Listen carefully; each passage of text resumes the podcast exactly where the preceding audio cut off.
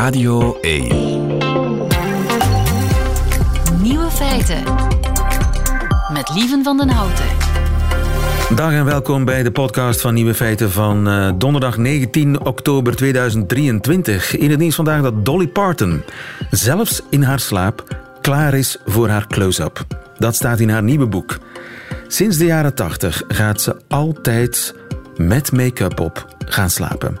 Komt door de aardbevingen, want in de jaren 80 verhuisden ze naar LA, waar af en toe aardbevingen voorkomen. En bij een alarm moet je dan zo snel mogelijk de straat op. En ze kon toch niet zonder make-up voor de camera's verschijnen, die misschien wel voor haar huis stonden. De gewoonte is gebleven, zelfs nu ze weer in Nashville woont, Tennessee. Niet voor de aardbevingen, maar voor haar man. Ze wil er niet als een heks uitzien als die man naast haar ligt. Elke ochtend wast Dolly de make-up weg om meteen weer een nieuwe laag te leggen. Dolly toch. De andere nieuwe feiten vandaag. De kans kop of munt, is die wel exact 50-50? Nee, blijkt uit een uitgebreide test. Ook de minister van Mobiliteit is voorstander van de Deense stop voor fietsers.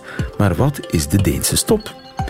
Relatiedeskundige Rika Ponet helpt Sjaak die een excuusbrief voor zijn vrouw liet schrijven door ChatGPT. En zonder bonen geen beschaving, zegt historicus Joël Broekaert. De nieuwe feiten van Nico Dijkshoorn hoort u in zijn middagjournaal. Veel plezier. Quizvraag. Wat hebben de Franse revolutie, de ontwikkeling van de landbouw, de Griekse filosofie en de moderne genetica met elkaar gemeen? Joël Broekaert, goedemiddag. Een goedemiddag. Joël, weet jij het antwoord? Jazeker. Het zijn bonen.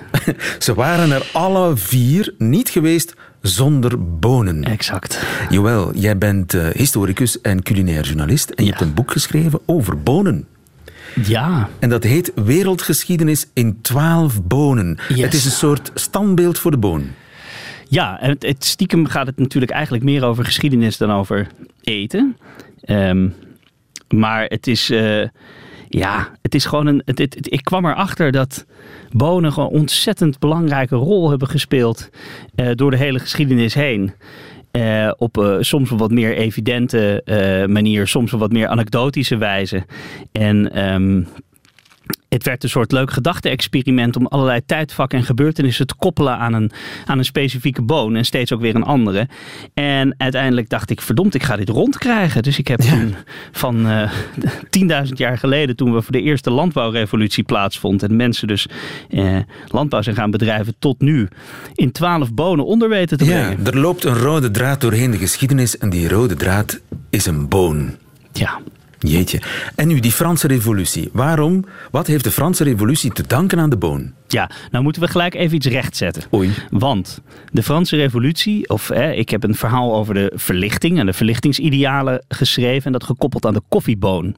Maar voordat we daar inhoudelijk in kunnen duiken, eh, voordat de mensen nu gaan protesteren thuis, de koffieboon is natuurlijk eigenlijk geen echte boon. Oké, we Maar- beschouwen de koffieboon nu even ook als een boon. Exact. Tussen aanhalingstekens. Ja, we precies. moeten af en toe wel een, een hoekje Nou ja, afsnijden natuurlijk om het rond te En krijgen. We noemen hem Boon en hij heeft een belangrijke rol gespeeld. Het is ehm, in, ik, volgens mij eind 16e eeuw, of in ieder geval begin 17e eeuw, komt koffie op in Europa hè, als drank. Dat we de, in de Arabische wereld was dat al langer bekend. Maar in Europa wordt dat eh, populair en je ziet koffiehuizen ontstaan. Ja. En in die Engelse koffiehuizen kwam dus een, een dat daar, daar ontstond een publieke sfeer buiten de autoriteiten, hè, het hof en, de- en, en de, de kerk en de koning en, en buiten de eh, privésfeer, ehm, waarin mensen konden samenkomen, dus de, de hogere klasse en de, de, de intelligentsia. ehm, die kwamen daar samen, die distancieerden zich ook van de kroeg, waar, hè, waar de lagere sociale klassen kwamen om zat te worden. En die gingen die koffiehuizen, kwamen ze daar om het nieuws te bediscussiëren. En er werden kleine handgeschreven krantjes werden daar verspreid en doorgegeven.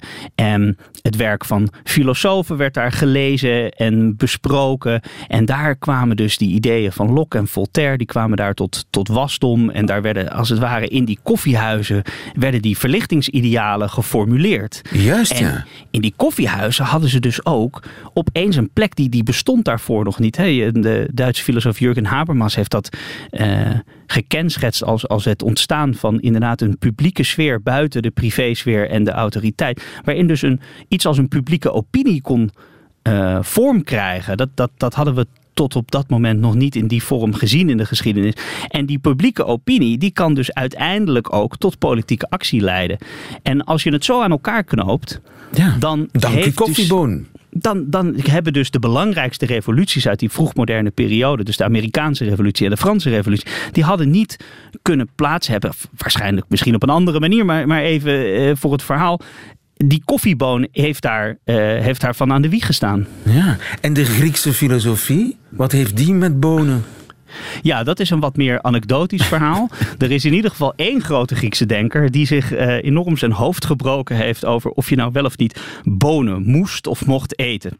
En dan hebben we het over Pythagoras van Samos, uh, die wij allemaal kennen van de stelling die wij op de middelbare school geleerd hebben. To bone um, of not to bone? Nou, die, uh, dat was... Uh, nee, nee, dat was, dat is iets dat was Shakespeare. Ja. Um, het, nee, de stelling van Pythagoras. Hè, de, de, Juist, um, dat bedoel ik. Waarvan, ja, wij, waarvan wij allemaal, waarvan we het overigens niet zeker weten of die hem zelf wel geformuleerd heeft. Volgens mij zag ik laatst dat er ergens een, een klein tablet gevonden was Juist, van ja. honderden jaren eerder, waar ook al een dergelijke stelling op stond. Hoe dan ook, Pythagoras vond dat je geen bonen mocht eten. En we weten niet zo goed meer waarom hij dat vond, want uh, hij heeft zelf geen geschriften nagelaten, maar er zijn wel uh, geschriften van volgers van hem. Hij was eigenlijk, Pythagoras was een soort, soort leider van een hippie-commune avant la lettre. Um, ze waren strikte vegetariërs, en, uh, maar ze mochten dus ook. Dat is eigenlijk wel heel opvallend. Want als vegetariër moet je toch aan je eiwitten komen. En dan zijn bonen. Uh, ja, wat, wat, waarom, waar, waarom was Pythagoras tegen bonen? Nou ja, dat weet, we weten het dus niet zeker. Er zijn een aantal verklaringen, denkbaar. Um, er zijn wel eens. Er zijn Griekse denkers die geschreven hebben dat bonen. Omdat bonen hebben een. Um, daar zitten. Uh, pakt ijzer, um, of nee, zuurstofbindende moleculen, eiwitten in die wortelstelsels van bonen. En die kleuren dus rood als je ze snijdt. Hè? Dezelfde, um, het ijzerbindend vermogen van ons bloed, dat komt door het eiwit hemoglobine en dat kleurt ons bloed rood. En er zitten dezelfde soort eiwitten zitten in die wortelstelsels van bonen. Dus het kan zijn dat ze dachten, hé, hey, als je daarin snijdt gaat het bloeden, dus daar zit een ziel in. Daar zit een, hè, er, zijn, er is één volger van Pythagoras die geschreven heeft, het, het eten van bonen is als aan het knagen van de hoofden van mensen. Een soort cannibalisme. Ja, het kan ook zijn dat ze zeiden van kijk, van, van bonen ga je scheten laten. Dat weten we allemaal. Um, de woorden anima en pneuma in het Latijn en Grieks betekenen allebei zowel wind als geest en ziel. Dus het kan ook zijn dat ze dachten dat dat winden laten, dat dat, ja. um, dat, dat een, een, een teken was dat je menselijke zielen geconsumeerd had. En veel waarschijnlijker is um, dat uh, het meer in de richting zou. We kennen allemaal dat, dat een gezonde geest in een gezond lichaam. Dat was een bekend adagium in de oudheid. Dat, dat ze gewoon vonden dat uh, dat gerommel in je buik en, en die winderigheid, dat dat niet, niet verenigbaar was met uh, de kunst van het filosoferen. Dat, dat zou ook nog een mogelijke verklaring kunnen zijn. Ja, maar goed, de, de boon heeft een, een stimulerende werking gehad, in ieder geval op het denken van de. Want ze hadden iets om over na te denken. Dat zeker, ja. het is natuurlijk een heel voedzaam iets, een boon. Het vol proteïne vol eiwitten. Ja. Um, en heeft ook een rol gespeeld in de ontwikkeling van de landbouw. En voorwaarden. Ik, der, ik durf te zeggen dat de bonen aan de wieg van de beschaving hebben gestaan. Dat wij, wij niet in staat zouden zijn geweest um, om hier vanuit Amsterdam met een verbinding uh, naar België met elkaar te converseren als we niet bonen hadden gehad. Dat is best een lange lijn om te trekken, maar de landbouwrevolutie, dus de neolithische revolutie, dat is het moment dat mensen hun, hun nomade bestaan, hun jager-verzamelaars bestaan hebben opgegeven en een sedentair bestaan, een agrarisch bestaan uh, uh, zijn gaan leiden. Um, die revolutie heeft zich op verschillende plekken op de wereld los van elkaar voltrokken. De eerste keer dat dat gebeurde was in Mesopotamië, tussen de Uifraat en de Tigris. Uh, twee stromenland, samen met, met, met de Nijldelta. Uh, daar heeft de eerste agrarische revolutie zich voltrokken rond 8000 voor Christus. En het begint altijd ook daar, maar ook op andere plekken in de wereld. Het is altijd een combinatie van granen en peulvruchten. Je hebt die peulvruchten erbij nodig. Je kan niet alleen tarwe verbouwen. Ten eerste vult het elkaar aan in het dieet. Je haalt je energie en je koolhydraten uit de granen. Maar je hebt je eiwitten, je bouwstoffen voor je lichaam, die moet je halen uit peulvruchten. Dus dat is de eerste uh, reden waarom ze hand in hand gaan en samen gaan. Maar wat vooral heel belangrijk is, is dat die pulvruchten, en dan komen we weer terug bij, dit, um, bij dat eiwit waar we het net over hadden, wat in dat wortelstelsel zit, het leven, um, bacteriën uh, op de wortelstelsels van bonen. En die fixeren weer stikstof terug in de grond. Aha. En die granen, die, hè, wat we weten allemaal dat de grond uitput als je monocultuur bedrijft. Dus als je heel lang achter elkaar alleen maar hetzelfde verbouwt, dan haal je op een gegeven moment alle voedingsstoffen uit de grond. En door dat af te wisselen met pulvruchten, kun je weer terug stikstof in de grond fixeren. Dus alleen maar door die twee in combinatie met elkaar te verbouwen, kun je het uh, sustainable of, uh, kunnen Is er zoiets mogelijk als een duurzame landbouw? Dus uh, eerherstel voor het ondergeschoven kindje van de geschiedenis, de boon. Een wereldgeschiedenis in twaalf bonen is een boek van Joël Broekaert en het is pas uit. Gefeliciteerd Joël, nog een fijne dag. You, jij ook, dank je. Nieuwe feiten.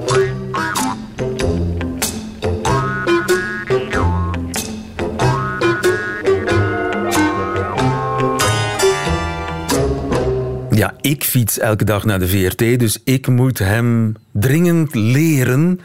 Want de minister van Mobiliteit, Lydia Peters, die vindt dat uh, vanaf nu alle fietsers hem zouden moeten kennen en toepassen. De Deense stop. Wat is de Deense stop? Jeroen Visser, goedemiddag. Goedemiddag. Je bent onze man in uh, het Hoge Noorden. Jij uh, fietst wel eens in Kopenhagen. Klopt, ja. Regelmatig uh, als ik er ben, dan, uh, dan probeer ik altijd te fietsen. Zoals iedereen in Kopenhagen probeert te fietsen. Ja. Dus een gigantische ja, fietsstad, hè?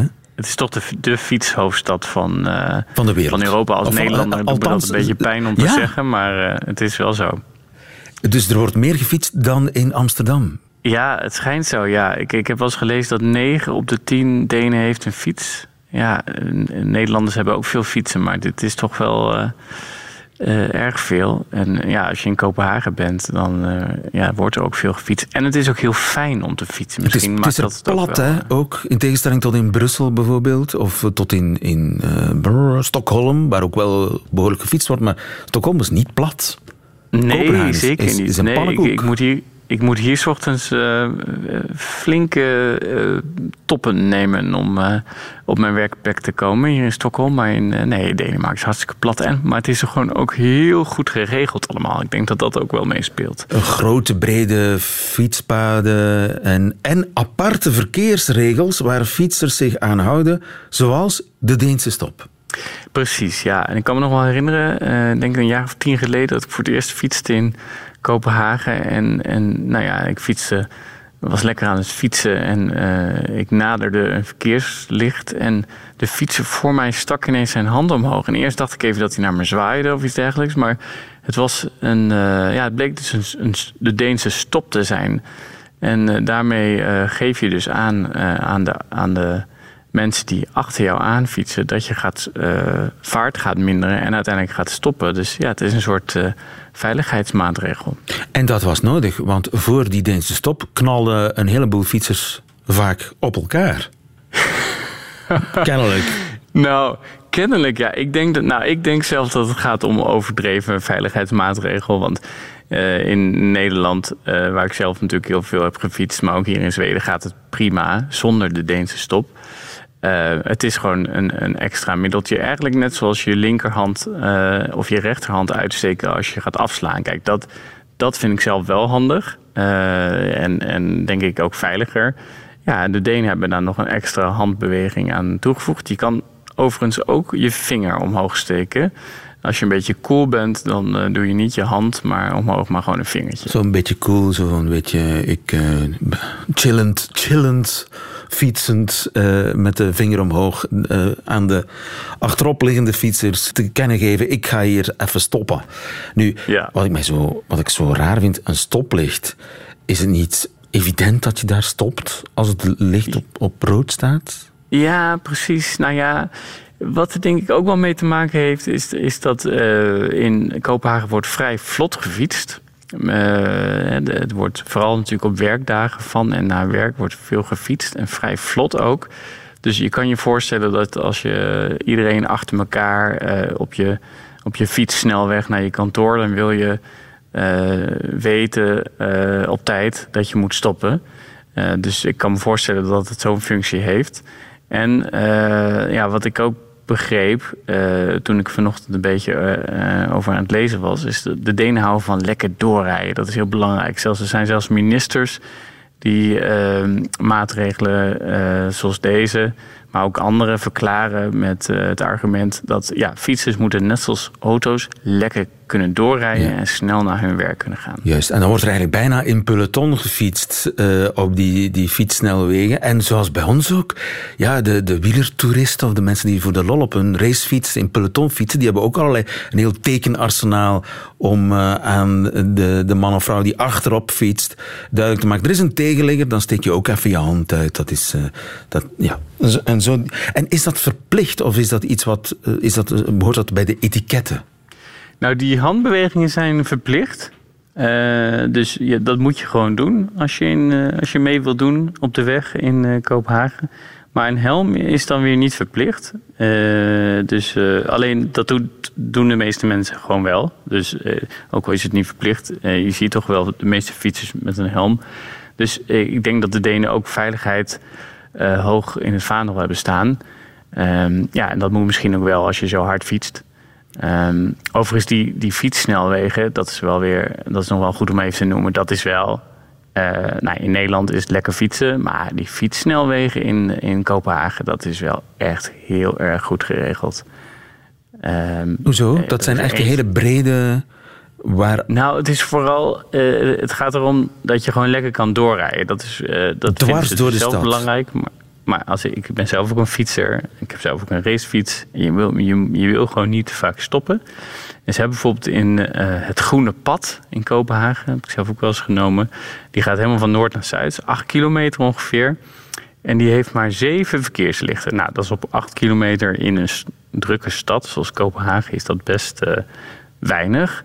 Ja, en, en, die, die leidt je dus door parkjes, wijkjes en, en tunneltjes en, en ook hoge bruggen. En je hoeft gewoon heel weinig te stoppen. Je kan lekker doorkachelen, zoals Ja. we dat zeggen. En er staan zelfs speciale hekken aan verkeerslichten. Om je aan vast te houden, zodat je op je zadel kunt blijven zitten. Ja, is het niet geweldig? Ja, voor, voor een racefietser, eh, die, elke racefietser zal...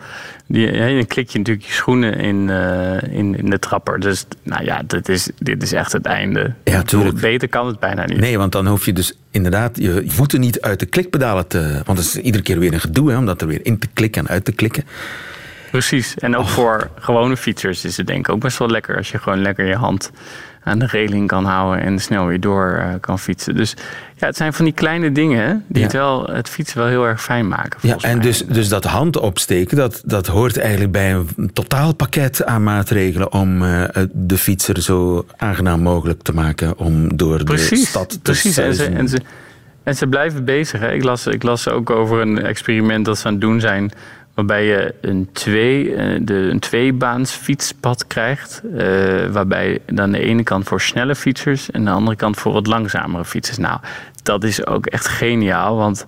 Ja, je, je, als je een beetje snel fietst, dan weet je dat het soms vrij irritant kan zijn als je, ja, als je moet remmen, terwijl je Ja, net lekker op gang bent. En omgekeerd, als je wat trager fietst en er, er komt zo'n eh speed pedelec langs geknald, dat, dat is ook schrik, hè? Ja, dat is ook niet leuk. Nee, dus, dus ja, de Denen zijn gewoon ehm, ja, eh, innovators als het gaat om eh, eh, fietsen. En, en, ze, en ze, ja, omdat het er zoveel zijn en, en omdat ze het ook willen stimuleren. Dat, is natuurlijk ook, dat ligt er natuurlijk ook achter.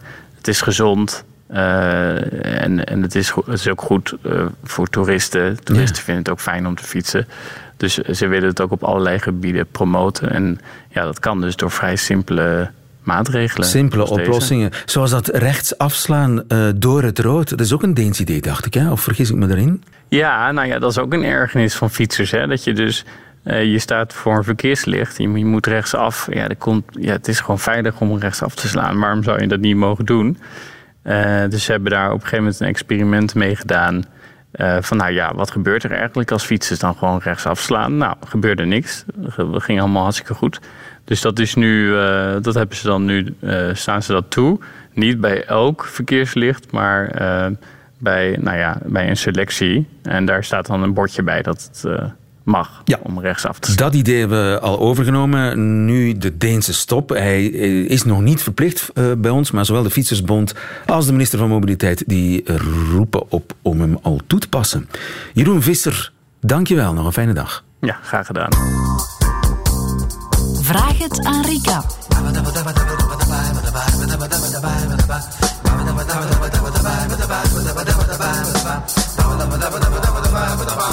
Ik heb weer een koffertje vol met dilemma's door u misschien wel ingestuurd. Uh, vragen voor Rika. Goedemiddag, Rika Ponet. Goedemiddag. Relatiedeskundige. Ik pik de brief uit eruit van Jacques. Jacques is 53 en schrijft. Ik ben een gescheiden man en heb sinds vier jaar een latrelatie met een lieve vrouw. Ik verblijf vaker bij haar dan zij bij mij. Ze woont in een groot huis met tuin, ik op een appartementje. Het is bij haar ook veel leuker en gezelliger ingericht. Lieve, zo heet ze, kookt fantastisch, heeft het huis altijd aan de kant. Ik voel mij er ook altijd welkom. Ik geef toe dat ik niet altijd het zonnetje in huis ben. Ik heb een ochtendhumeur, wat ik niet probeer uit te werken op haar, maar het is er. Ik heb geleerd het voor mezelf te houden en ben daardoor in de ochtend zwijgzaam. Ik heb ook de gewoonte om dan de krant te lezen en de beursberichten te bekijken om te zien hoe mijn aandelen het doen. Good for you, Jacques. Je hebt aandelen. Ik wist dat zij dat niet zo leuk vindt, maar omdat ze er weinig over zei, deed ik het toch. Vorige week kregen we daarover ruzie. Lieve verweet me haar huis als een hotel te zien. Er gewoon mijn voeten onder tafel te steken en niet bij te dragen, praktisch gezien, maar bovendien ook nog eens de brompot van dienst te zijn. Ze zei ook dat het voor haar op deze manier niet werkt, maar ze het nog één keer een kans wil geven. Ik wou het die dag goed maken, heb bloemen gekocht en een brief geschreven om te zeggen dat het me spijt. Ik ben wel niet zo goed met woorden en schrijven. Ik heb dat aan mijn zoon verteld, die me adviseerde om mijn vraag aan ChatGPT voor te leggen. Hemeltje. Daar kwam een, naar mijn gevoel, erg goede brief uit, die ik heb overgeschreven. Oh, zaak toch. Toen Lieve de brief las, zei ze dat ze het moeilijk kon geloven dat ik die brief geschreven had. Ik heb er niet op gereageerd, maar nu ben ik wel bang dat ze dit gaat uitzoeken en ze misschien op dezelfde stijl van brief bij ChatGPT zal uitkomen. Wat moet ik doen? Hemeltje, hemeltje, hemeltje. Jacques, Jacques, Jacques, Jacques, Jacques. ChatGPT. Heb jij dat al geprobeerd, Steven? Nee. Nee. Nee. Um, ik heb dat onlangs eens gedaan. Ja, zo een vraag en gevraagd een relatievraag. Schrijf mij eens een advies in de stijl van Rika Ponet. En? en um, het was goed samengevat, maar het waren toch wel wat algemeenheden. Dus ik denk dat we nog een tijdje verder kunnen met de Oké, dat is een hele geruststelling. Ja. Um, maar die Jacques die heeft dus een excuusbrief laten schrijven door ChatGPT ja. voor zijn vriendin. Nu, ik begrijp natuurlijk dat niet iedereen over een groot uh, literair talent beschikt. Daarvoor dienen ook zo de gelegenheidstekstjes. Um, maar daar gaat het eigenlijk niet over. En wat hij doet, ik beschouw dat toch als een vorm van liegen. Hij pretenderen dat je een tekst schrijft die dan niet de jouwe is. En, Stel dat ze erachter komt. Ja, dat is verschrikkelijk. Hè? Wat daar vooral ook uit spreekt, is een totaal gebrek aan moed om echt uit te spreken wat je voelt. Uh, hoe onbeholpen het er ook uitkomt, dat is dan tenminste authentiek. Maar ook aan moeite doen. Um, als ze erop komt, uh, ja, ik denk dan zo heel spontaan direct aan de bloemen en de pralines die je zo in die uh, baanwinkels kunt kopen. Of, Met een standaard kaarsje erbij. Ja, of op de luchthaven. Ja, zo, ah ja, ja, shit, ik moest nog iets meedoen naar huis. En, en dan koop je dat heel snel en geef je dat af. Ja, en, dat, is, wel heel pijnlijk, hè? omdat het juist bedoeld is als iets heel liefs. En het wordt dan niet iets liefs, maar iets lafs. En iets heel goedkoop ook. Ja, daar spreekt. Dus, um... dus de ontgoocheling zal heel groot zijn Als het ooit uitkomt. Ja, ik vrees daar wel voor. En, um, kan je het dan niet beter gewoon bekennen? Eh, ja, dat zou mijn, toch mijn advies zijn. Van, uh, alvorens hij het gaat uitzoeken, als dat ook zijn angst is. Eigenlijk vind ik het een prachtige gelegenheid. Hè. Uh, op deze manier kan hij ook naar haar toe verwoorden. Weet je, Ehm, het naar buiten brengen van mijn emoties, en dat lijkt mij zo toch een beetje de manier waarop hij het schrijft ook, dat is voor mij niet zo'n makkelijke. Ik, ehm, ik vind dat, dat ochtendhumeur, vind ik daar ook zo'n beetje een voorbeeld van. Ja, wat, wat werkt dan s ochtends niet? Dat interesseert mij dan eigenlijk wel. Ja, wat is dan hetgene wat jou een ochtendhumeur bezorgt? Um, kan, kan je niet tegen mensen met ochtendhumeur? waarom? vraag ik mij dan af. waarom? Maar je bent een ochtendmens. Uh, en avondmens. Oh, wauw. Ja. Ik ben een ochtendmens, ik snap het ook niet. Maar, maar ik, heb er mij al lang bij neergelegd dat sommige mensen een ochtendhumeur hebben. Dat, is, dat schijnt zo te zijn. Het is iets, het bestaat. Ja, je kan traag... Kun je dat fixen? Je kan traag op gang komen, maar zo werkelijk slecht gezind zijn in de ochtend en dat dan ja, ook laten blijken of de andere is daar dan zo'n beetje het slachtoffer van. Ja, ik vind dat dat vergt toch... Ik vind dat je dan wat meer inspanning moet leveren. Ik meen dat. Ja. En je niet achter een krant uh, met een kop koffie... En met je beursberichten en de anderen negeren. En ah, ik vind dat.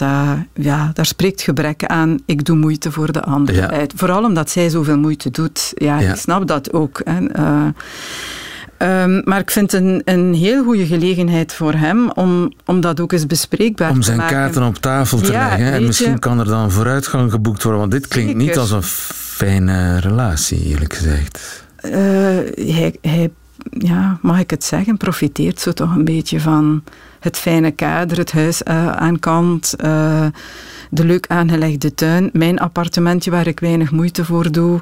Um, ja, hij is zo'n beetje met, bij ons zeggen ze dat dan, met zijn gat in de boter gevallen. En hij heeft er blijkbaar weinig moeite mee dat het zo is dat iemand dat allemaal faciliteert. En zij heeft gelukkig, ja, in die levensfase doen mensen dat dan toch wel eens vaker uh, toch ook de moed om aan te geven, sorry jong, uh, voor mij... Uh, ben uw moeder niet? Ja, het kan, het kan even, maar niet zo de hele tijd. En, en hier stopt het. En ik denk, ja, beken dat. Hè. Eigenlijk heb ik iets gedaan wat ik niet, wat ik niet oké vind. Um, ik ben wel wat geschrokken van jouw aanval of van het feit dat je dit allemaal um, niet meer ziet zitten op deze basis. Maar ik heb het erg moeilijk om op dat vlak ook mijn gevoelens naar buiten te brengen. Ik ben dan maar te raden gegaan bij ChatGPT. Um, ik vind het zo'n moeilijk woord. En ja, daar is een brief uitgekomen die ja, eigenlijk toch wel een stukje zegt wat ik denk.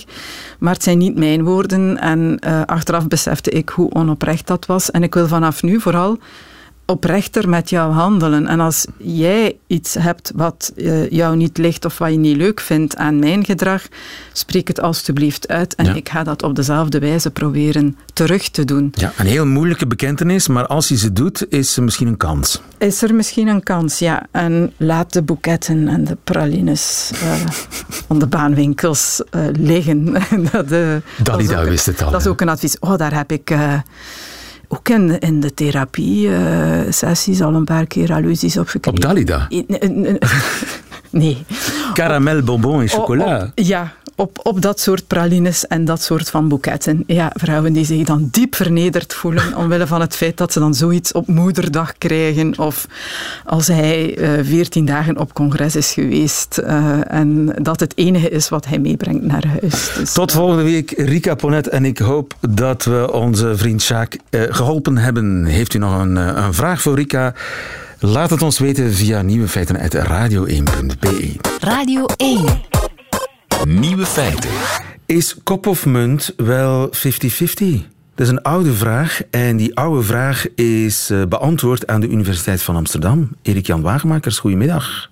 Goedemiddag. Je bent uh, wiskundig psycholoog en je hebt meegewerkt aan het onderzoek in kwestie. Hè, of uh, de kop- of muntkans ja. wel exact 50-50 is. Ja. Want ja, dat is niet onbelangrijk. Hè. Dat lijkt een, een banaal onderwerp, maar er worden belangrijke beslissingen genomen met een muntstuk. Ja, zeker. Zeker, dat klopt.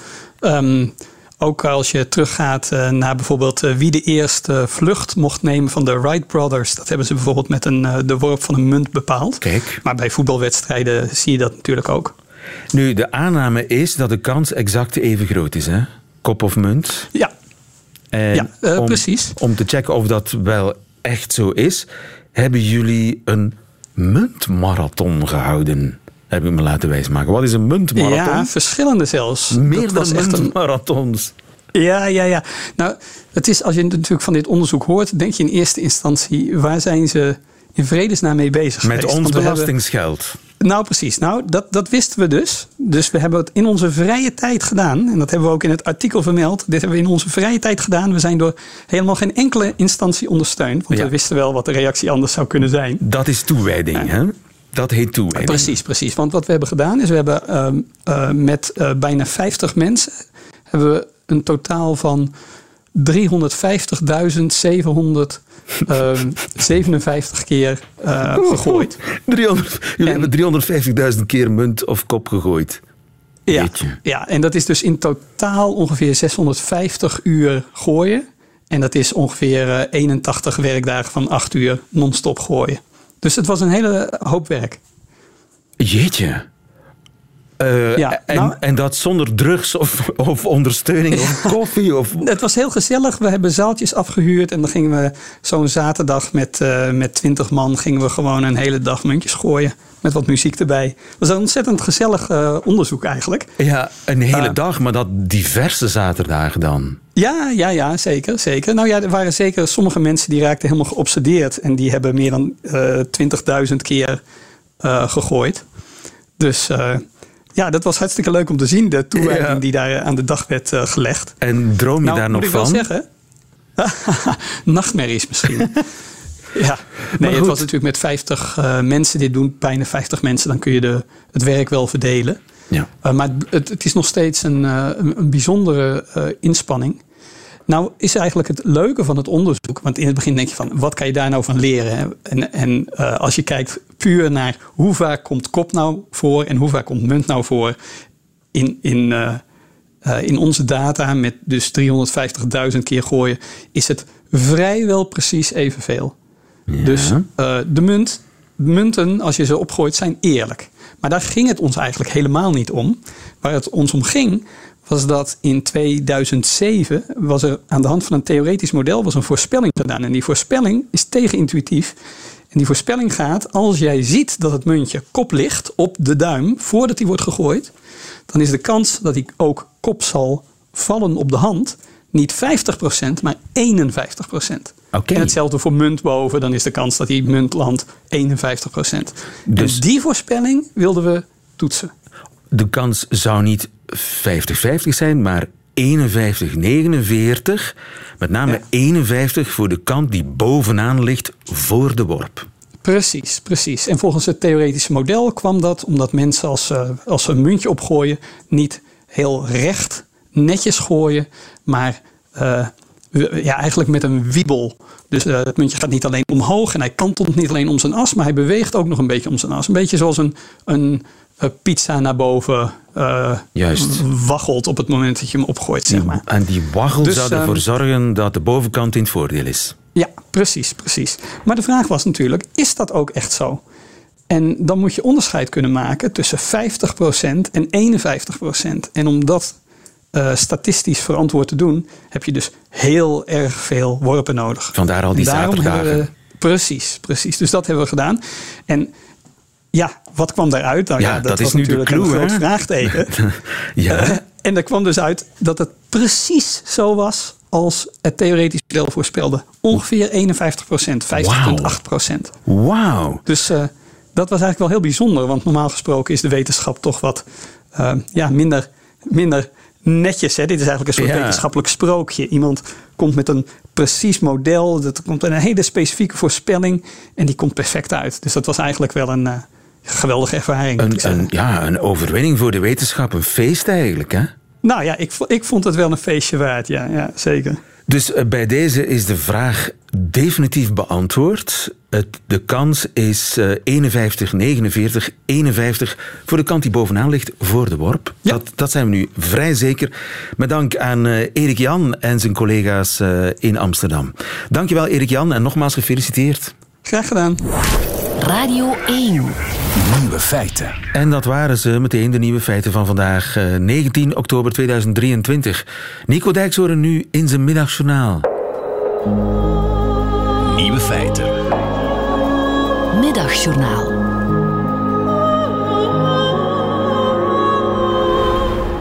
Beste luisteraars, toch nog even over die drie dagen in Antwerpen samen met mijn zoon. Was allereerst misschien wel de meest ingewikkelde incheckprocedure ooit in een hotelkamer. Ik ben al heel oud en ik ben nog steeds stom verbaasd dat je helemaal niemand meer ziet als je incheckt. Ik vind dat wel een vooruitgang.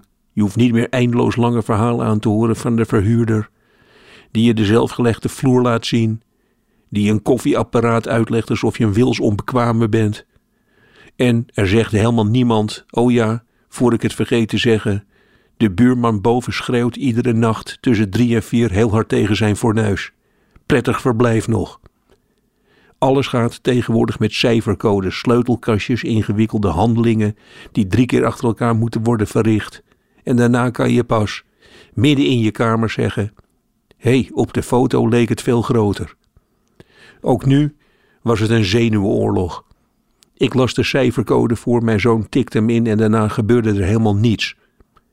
Ik las nog eens de handleiding. Druk direct na het invullen van het laatste cijfer met uw schouder stevig tegen de deur. En dat hielp luisteraars. Er bleek alleen een lift te zijn. Die moest worden bediend met een sleutel uit een kastje dat ook weer alleen openging met een cijfercode. Alles was vergeten toen wij een uur later in een van de liefste winkeltjes ooit stonden. In een prachtige, amber verlichte ruimte stonden allemaal mooie houten bakken vol met gepolijste steentjes. In de winkel werden fossielen en stenen verkocht. Maar dat boeide mij even niet. Ik luisterde naar de muziek. Alles klopte. Die stenen, het geraamte op de toonbank van een dier dat ooit over de aarde scharrelde. En dat alles werd begeleid door Tony Joe White. Een schitterende combinatie, Tony Joe White. Misschien wel een van de geilst klinkende zangers ooit. Hij zong onweerstaanbaar laag over een plantje in het zuiden van de Verenigde Staten. Het was de ideale soundtrack in een winkel die permanent achterom keek. Deze paradijselijke omstandigheden werden verstoord door een binnenkomend telefoontje. De eigenaar, hij keek ons aan, hij haalde zijn schouders op en hij nam het gesprek aan. En daarna hoorden wij hem zeggen: Nee, nee, sorry, ik moet u teleurstellen. Die heb ik helaas niet meer op voorraad, de kaak van een volwassen mannetjeshaai. Een uur later bleken mijn zoon en ik precies hetzelfde te hebben gedacht. Je hebt een nieuwe vriend. Hij nodigt je voor het eerst thuis uit. Je komt uiteindelijk zijn slaapkamer binnenwandelen. En dan, vanuit de muur, een enorme haaienkaak.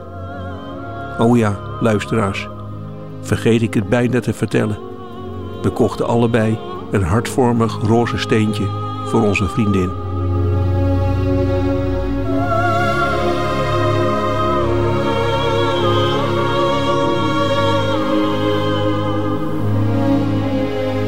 Vraag is of die zoon ook kan schrijven, want eh, in dat geval hebben we meteen een opvolger voor Nico. En dat zou goed nieuws zijn. Alhoewel, Nico blijft voorlopig uh, middagjournaals maken, ook morgen weer in Nieuwe Feiten. Einde van deze podcast. Hoort u liever de volledige uitzending met alles erop en eraan? Dat kan natuurlijk het beste live tussen 12 en 1 elke werkdag op Radio 1. Tot de volgende.